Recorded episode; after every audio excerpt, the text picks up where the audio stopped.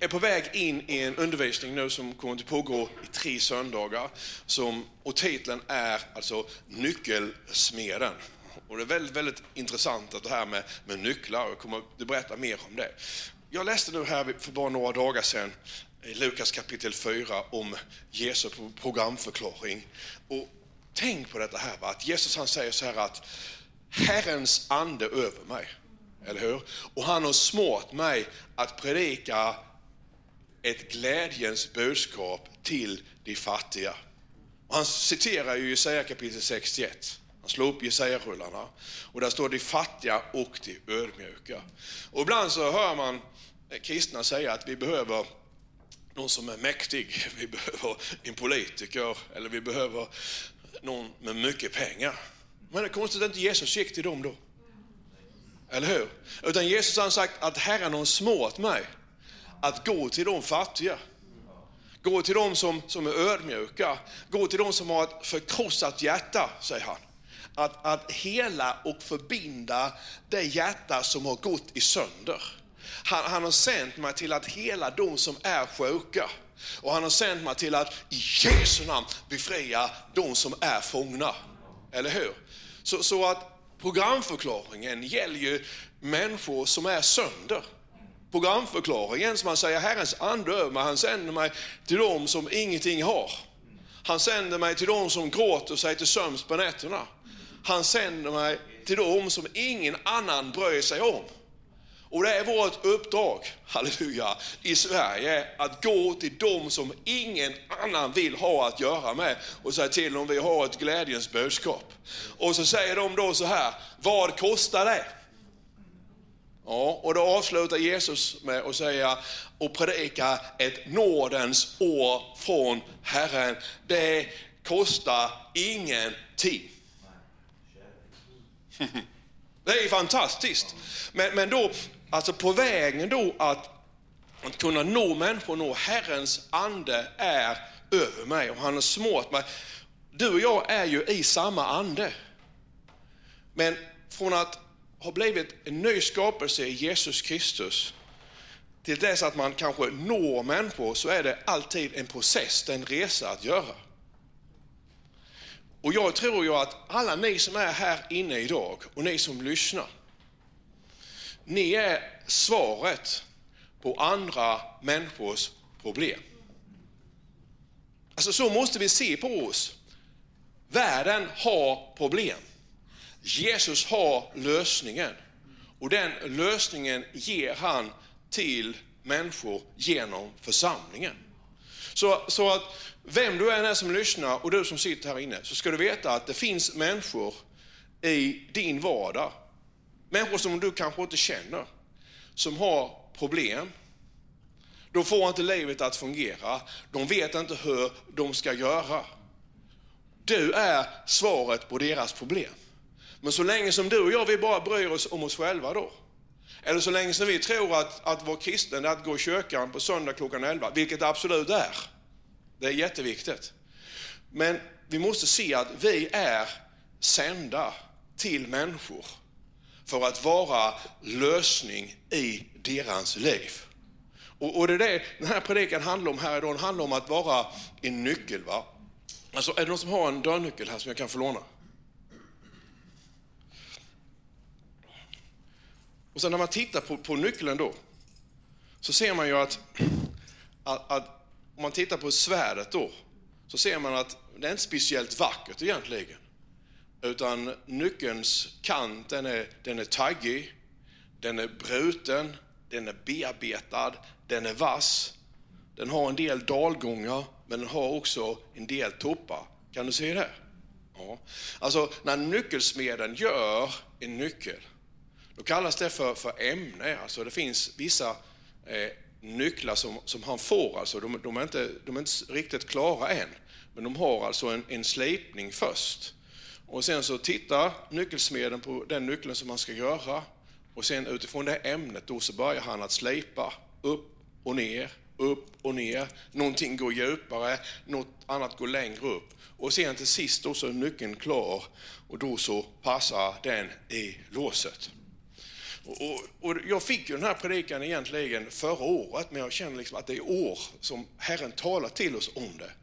Därför att det kan faktiskt vara så att alltså det liv som du och jag vi har levt fram till idag, de problem som du har haft, alltså den smärta som du har gått igenom, alltså de framgångar som du har haft, de motgångar som du har fått möta, allt det här har varit en del av Herrens plan för dig. Då säger du, vad menar du nu Tommy? Jo, han har tillverkat en nyckel av dig. Och den nyckeln passar i ett lås. Därför att när du och jag i Jesu namn ska hjälpa andra människor, så, så, så är det på det sättet att vem som helst kan inte hjälpa vem som helst. Utan vi måste ju kunna möta den enskilda människan där hon är.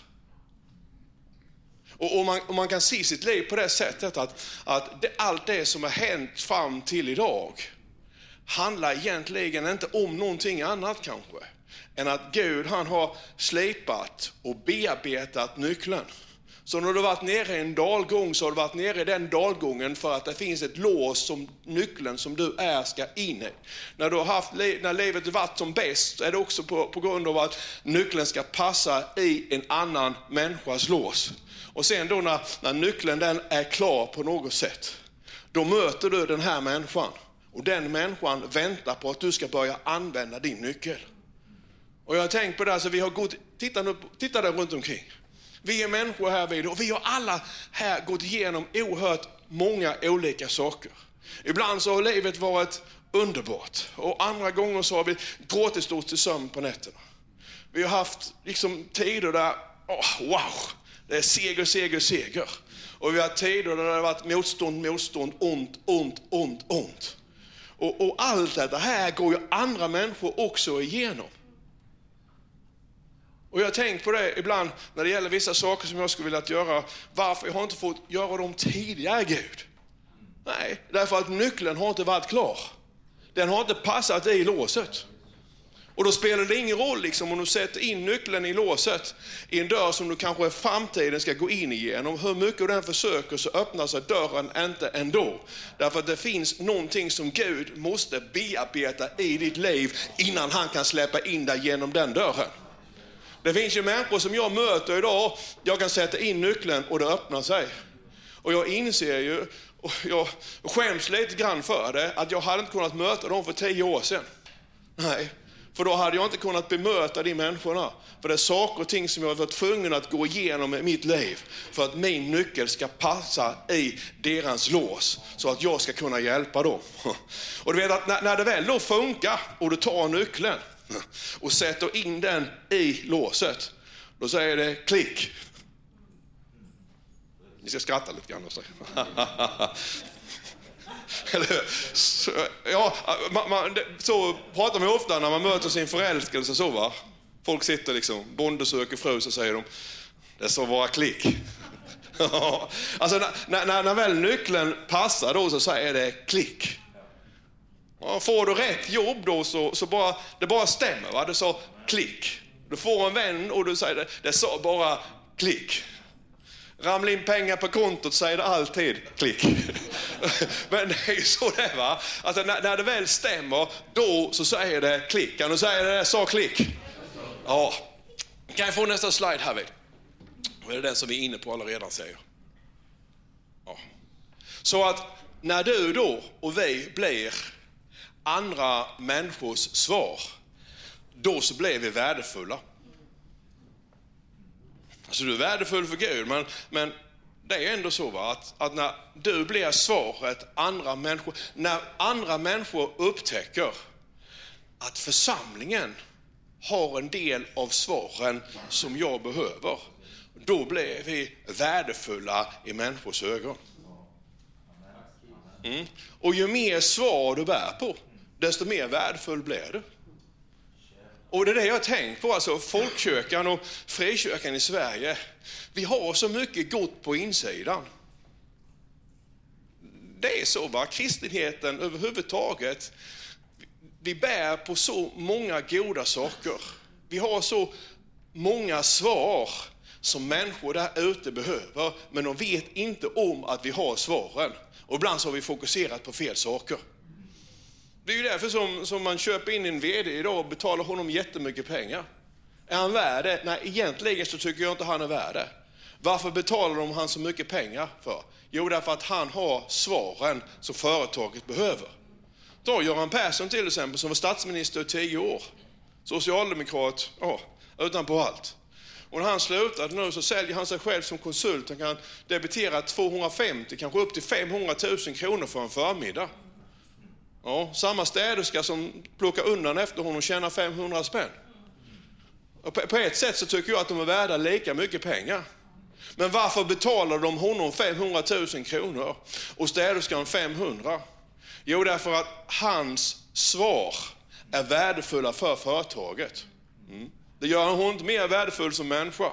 Och vi värderar ju människor på olika sätt. Och jag säger inte att det här är rätt eller fel, men jag säger det att du har svaren. Se det här. Och när människor söker dig och när du söker människor, så se var du kan ge svar. Och vi kan ge väldigt många svar och församlingen är ju svaret för världen. För Jesus är världens svar. Kan du se det? Amen. Jag ska visa det nu här, vi får nästa slide, ifrån eh, Josefs liv. Och vi ska läsa tillsammans här, kan vi göra det? Vi ramlar rakt in i, i Gamla Testamentet här vid. Så står det då ifrån Första Mosebok kapitel 41, vers 53-57 att men de sju överflödsåren i Egypten tog slut. Och så började de sju hungeråren som Josef hade förutsagt. Det blev hungersnöd i alla länder, men i Egypten så fanns det bröd överallt. Och när hela Egyptens land började hungra och folket ropade till farao efter bröd, så sade han till alla egyptierna, gå till Josef och gör som han säger. Och när hungersnöden hade brett ut sig över hela landet så öppnade Josef alla förrådshus och sålde säd till egyptierna. Men hungersnöden blev allt svårare i Egypten och från hela världen och från hela världen, en gång till, och från hela världen, och från hela världen. Halleluja. Alltså om vi i Sölvesborg i Folkkyrkan har ett svar som hela världen behöver, så kommer människor hit. En av de stora församlingarna bort i USA nu ligger i Reading. Betel va. Och det, det är en liten plats. Oerhört mycket människor reser dit. Varför det då? Därför att det finns många svar från Herren på den platsen. Halleluja. Det är inga problem att få hela Sveriges väckelse i Sölvesborg. Ge dem svaret från Jesus som alla söker så kommer de. Det är ju så va, och det är det vi har. Vi har, det här är en helt annan predikan. Folk söker new age, de söker i andra religioner och de fumlar i mörkret därför att de får ibland kanske något litet ljus tycker de, men ljuset är bedrägligt för det kommer från ljusets ängel. Men vi har ju det sanna svaret. Eller hur? Vi kan ge människor det som ger kärlek, det som ger en inre frid som övergår varje förstånd. Halleluja. Så är det ju faktiskt. Mm. Och från hela världen så kom han till Josef i Egypten för att köpa säd, ty hungersnöden var svår i hela världen. Ja, Herre, tack för att du bara uppenbarar det här året för alla som är här idag, Herre, och alla som lyssnar, Herre, nu. I Jesu namn vi ber. Amen. Ja, Okej, okay, kan jag få nästa slide då? För vad var det nu som hade hänt? Jo, Josef var ju en nyckel. Kom igen nu. Och det var ju Josefs liv som gjorde honom till en nyckel. Han blev bruten och upprättad på rätt område för att bli världens räddning. Så att när hungersnöden drabbar hela världen, då är nyckeln färdigslipad att sättas in i låset. Mm. Och när dörren då öppnas, så vet Josef precis och exakt hur han ska göra och bete sig för att rädda världen. Kan det vara på det sättet att Gud han har jobbat med vår församling? Eller att han har jobbat med församlingen i Sverige nu under en mängd år. Och där det har varit trögt, vi har tyckt det varit jobbigt, vi har inte sett tillväxt. Kan det vara på det sättet att han har bearbetat nyckeln? Så att nu 2019 så sätter han in nyckeln i låset på plats efter plats i Sverige och öppnar dörren. Därför att vi har förberetts för att ge världen de svar som de behöver, för att ge Sverige de svar de behöver för att överleva.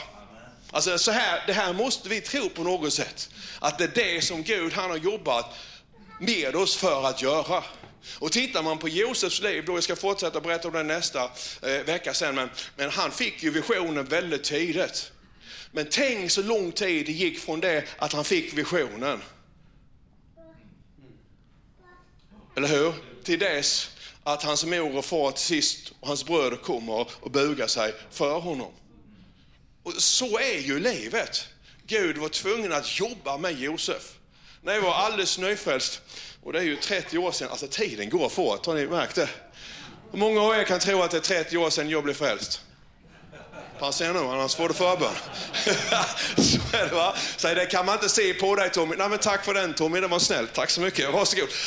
Jag vet, jag brukar sitta där, där Monica och Nisse sitter nu då, va? och Bill Löfbom, jag har varit frälst i ett halvår och han, han är igång då, amerikansk predikant och så här, svenska amerikan. Och så säger det finns någon här, säger han, jag kommer ihåg den idag. Och Herren han säger att du ska resa och predika över hela världen. Ja, och då, då satt man ju där i jeansjacka och trätofflor. Och, och, och, och, med huvudet tänkte det kan inte vara jag. Och samtidigt så säger hjärtat, det är du. Alltså, är, är du här? Men det har ju varit en väldigt, väldigt lång resa. Varför det då? Jo, därför att om Gud hade tagit den som satt där då, i jeans och trätofflor och satt den nyckeln i låset, och öppnat dörren, då hade det blivit en katastrof. Alltså, den måste bearbetas. Och tittar du på Josefs liv då, så, så, så började det ju nästan direkt. Va? Och han var ju lillebror och så här, men det var någonting speciellt över honom.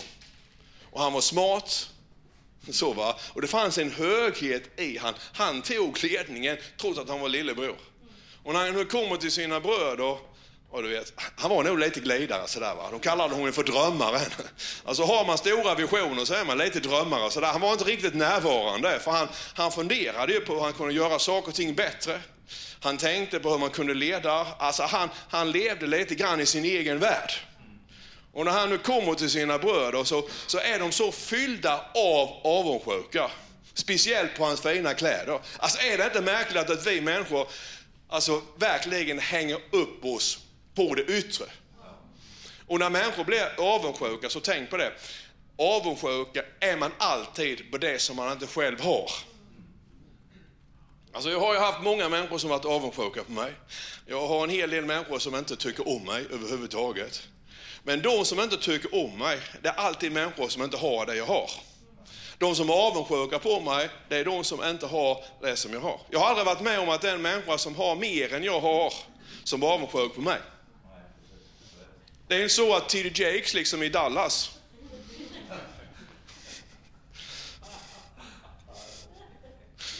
har problem med vilka kläder jag har. Eller hur? Eller tänker det var en väldigt stor kampanj Tommy Lilja han hade i Afrika. Kom igen är du här idag? Alltså hur många människor var det egentligen som var framme på förbön där? Är du här idag? Ja. Utan, alltså avundsjukan är ju alltid på någonting som, som människor vill ha som du har. Mm. Och tänk på det också, jag har sagt det innan, jag säger det en gång till. Vill du ha mycket och mer så får du mer av allt. Ja, och jag märker ju det. Jag har märkt det genom åren. Ju mer människor som följer oss och ju mer människor som står bakom oss, desto mer människor tycker illa om oss.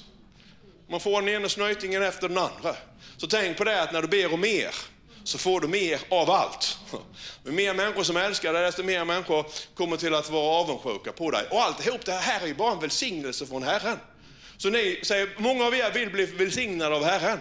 Alla här inne vill bli välsignade, men var försiktig. Därför att frikyrkor för folket, de är, har många bra sidor. En sida som inte är så bra, då är att de blir alltid avundsjuka när någon annan har en välsignelse som de inte all, själva har. Alltså det, det ligger någonstans i alltihop det här. Och det här är ju helt fel. Därför att om du tackar för den välsignelse som andra människor har fått, så kanske den kommer till dig också. Halleluja. Kan du säga det till din granne? Tack för all den välsignelse Herren han har gett dig. Halleluja. Alltså, du behöver inte vara avundsjuk därför att Gud har ju inga gränser. Han har inga begränsningar. Han har mer än allt. Halleluja. Så att om jag får allt som Gud har så kan du också få allt som Gud har. Är du med mig? Så alltså att jag får mycket betyder inte att du inte kan få mer. Och att du får mer betyder inte att jag också kan få mer. Därför att det finns inga gränser i Gud.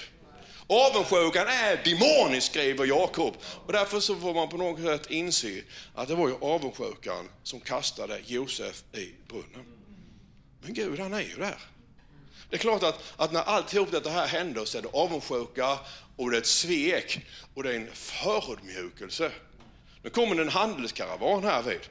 Och vad man handlade med här vid då, det var ju alla möjliga saker, bland annat människor. 80-90 procent av människorna på den här tiden var ju slavar, så det här var liksom inget konstigt. Så istället för att döda honom då så får de den här briljanta idén att vi tjänar lite pengar på honom. Alltså människan är ju människa då som nu, eller hur? Och så när han då säljs Josef här vid och så han kommer till Egypten. Och sen vet du precis vad som händer här. Va? Han kommer till Potifar och han sätts i skola där och han tränas, han stiger i graderna och till sist då så står han liksom som, som ledare och chef över hela det här. Det här var inte hushåll, det här var ett gigantiskt företag. Ja, var en politiker som Göran Persson som har alla möjliga saker. Okej? Okay? Kan, kan, du se detta? här? Ja. Och i allt ihop detta här då, på något sätt när livet har börjat ordna upp sig, det som sker här då, det är ju att Potifars hustru kommer och han har inte gjort något fel. Han höll ju sig på sin kant, han hade integritet, han hade moral. Hon slänger av sig kläderna. Och som jag sagt innan, det var ju, det var ju en riktig pudding som kom. Alltså det, annars hade det inte varit en frestelse.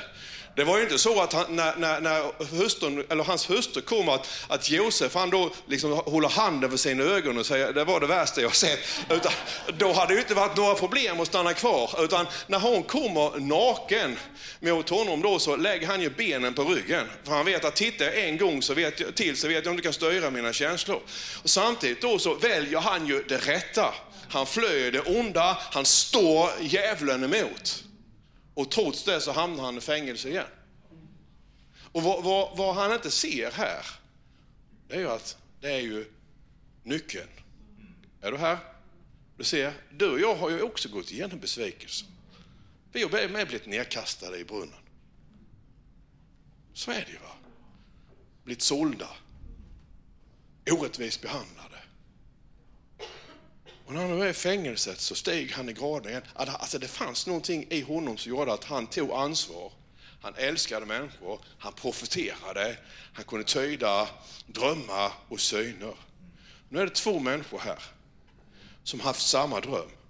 Och han tyder de här drömmarna och hjälper det sättet dem.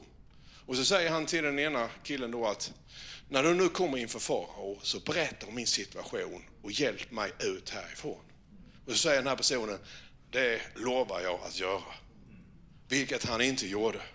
Och då, då är det väldigt lätt, det är därför jag är med det här, va? Att, att det fanns ett bedrägeri, Putifars hustru, va? det fanns en ödmjukhet hos honom i alla fall. Och sen kommer då besvikelsen att han liksom åker fängelse igen. Och nu när han ändå hjälpt de här människorna så förstår han ju att de har inte lagt ett ord inför farao och honom. Men han håller ut i, i alla fall. Varför det då? Ja, han har ju drömmen på insidan. Han har visionen. Och han vet att det som Gud har lovat, halleluja, det kommer han också till att hålla. Och några av er här idag, du kanske tycker att det har sett nattsvart ut 2018 och det har varit väldigt, väldigt jobbigt. Men det är inte så att Gud kan ljuga. Kan du slå till din granne och säga det? Alltså Gud kan inte ljuga. Utan jag tror på något sätt ändå så här att allt det vi har varit med om, på ett eller annat sätt, för Gud han har evigheten som mål, så handlar det här om någonting som du och jag ska få göra för andra människor i framtiden. Och till sist då, så får ju farao en dröm och den ska jag ta nästa vecka då, där han drömmer om sju feta kor och sju magra kor. Och ingen kan tyda drömmen. Och då den här killen som skulle lagt ett ord för Josef två år tidigare, då kommer han ihåg, det finns en som sitter i kungens fängelse. Om inte han kan tyda drömmen, då är det ingen som kan tyda den. Och då så kallar Gud på Josef. Och det, det fantastiska med Herren är just det här. Va? Att från ena dagen till andra så kan han förändra situationen. Jag predikade om det uppe i Värnamo då på eftermiddagen. När Josef gick och la sig på kvällen, då hade han funderat och han hade funderat och han hade funderat och han hade funderat. Och han hade kommit på att jag ville inte göra Maria illa, så jag skickade iväg henne. Han skulle lösa liksom, problemet själv. Han var så upptagen av sina egna tankar så Gud nådde inte honom. Så att på natten när han sover, det står att Gud han ger en frid som övergår ditt förstånd. Så på natten när förståndet var bortkopplat, det var då ängeln kom. Jag tror ängeln hade varit där innan. Men du vet att när du och jag är upptagna av oss själva, då hjälper det inte så att få en tegelsten i huvudet, för vi tänker bara på oss själva i alla fall. Men här nu när han sover så kommer ängeln in i hans liv. Och när han vaknar upp, vaknar upp på morgonen så säger han till Maria, du säger han, jag tror att vi kommer lösa detta här. Det kommer till att ordna sig. Jag tar mitt ansvar, vi kommer till att fixa det här. Och Gud är ju, ibland så är det så att det går från ena dagen till nästa. Det gör det ju här. Alltså när nyckeln väl är klar, då så går det snabbt. Kom igen nu, det här är bra. Hör ni vad jag säger? Alltså, det, tog ju, det var ju väldigt lång tid från det att han fick visionen från Gud. Eller hur? Tills, alltså han hade varit i brunnen, han hade varit på kamelerna, han hade varit i fängelse, han hade jobbat i flera år och kastats fängelse igen. Men när väl nyckeln var färdigslipad, när den sätts i låset, då så kan det gå väldigt, väldigt snabbt. Så från nästan ena dagen till nästa så går Josef från att vara ja, en intern till att bli prins, alltså chef över hela Egypten. Vi ska läsa här tillsammans. Nästa slide, då står det så här. Tycker ni det här är bra? Ja, jag tycker själv att det är jättebra i alla fall. Står det så här, kan vi läsa tillsammans? Finns det någon som har Guds ande som denne man? Och farao sade till Josef, eftersom Gud har uppenbarat allt detta för dig, så finns det ingen som är så förståndig och vis som du. Du ska förestå mitt hus och allt mitt folk ska rätta sig efter dina befallningar. Bara när det gäller tronen ska jag vara för mer än du. Se, jag sätter dig över hela Egyptens land. Och farao tog ringen från sin hand och satte den på Josefs hand och han klädde honom i kläder av fint linne och hängde en kedja av guld kring hans hals. Han lät honom åka i vagnen närmast efter sin egen och man ropade abrek framför honom. Så satte farao honom över hela Egypten och farao gav Josef namnet Safenat Panea. Abrek, det betyder fall på knä. Alltså det går från ena dagen till den andra. Att det är problemen som skapar möjligheterna. Jag vet att du inte tycker om det här, men faktiskt är det på det här sättet. Kan du säga det, det är problemen som skapar möjligheterna? Ja. Det var inte så att Jesus sa så här att usch, är det människor som är sjuka här? Alltså, och jag hade önskat att, eller hur? Utan det var ju så att när, när människor som var sjuka kom till Jesus, så var det ju en möjlighet för honom att hela människor och att proklamera och predika Guds rike. Alltså det, det är problemen som ger möjligheterna.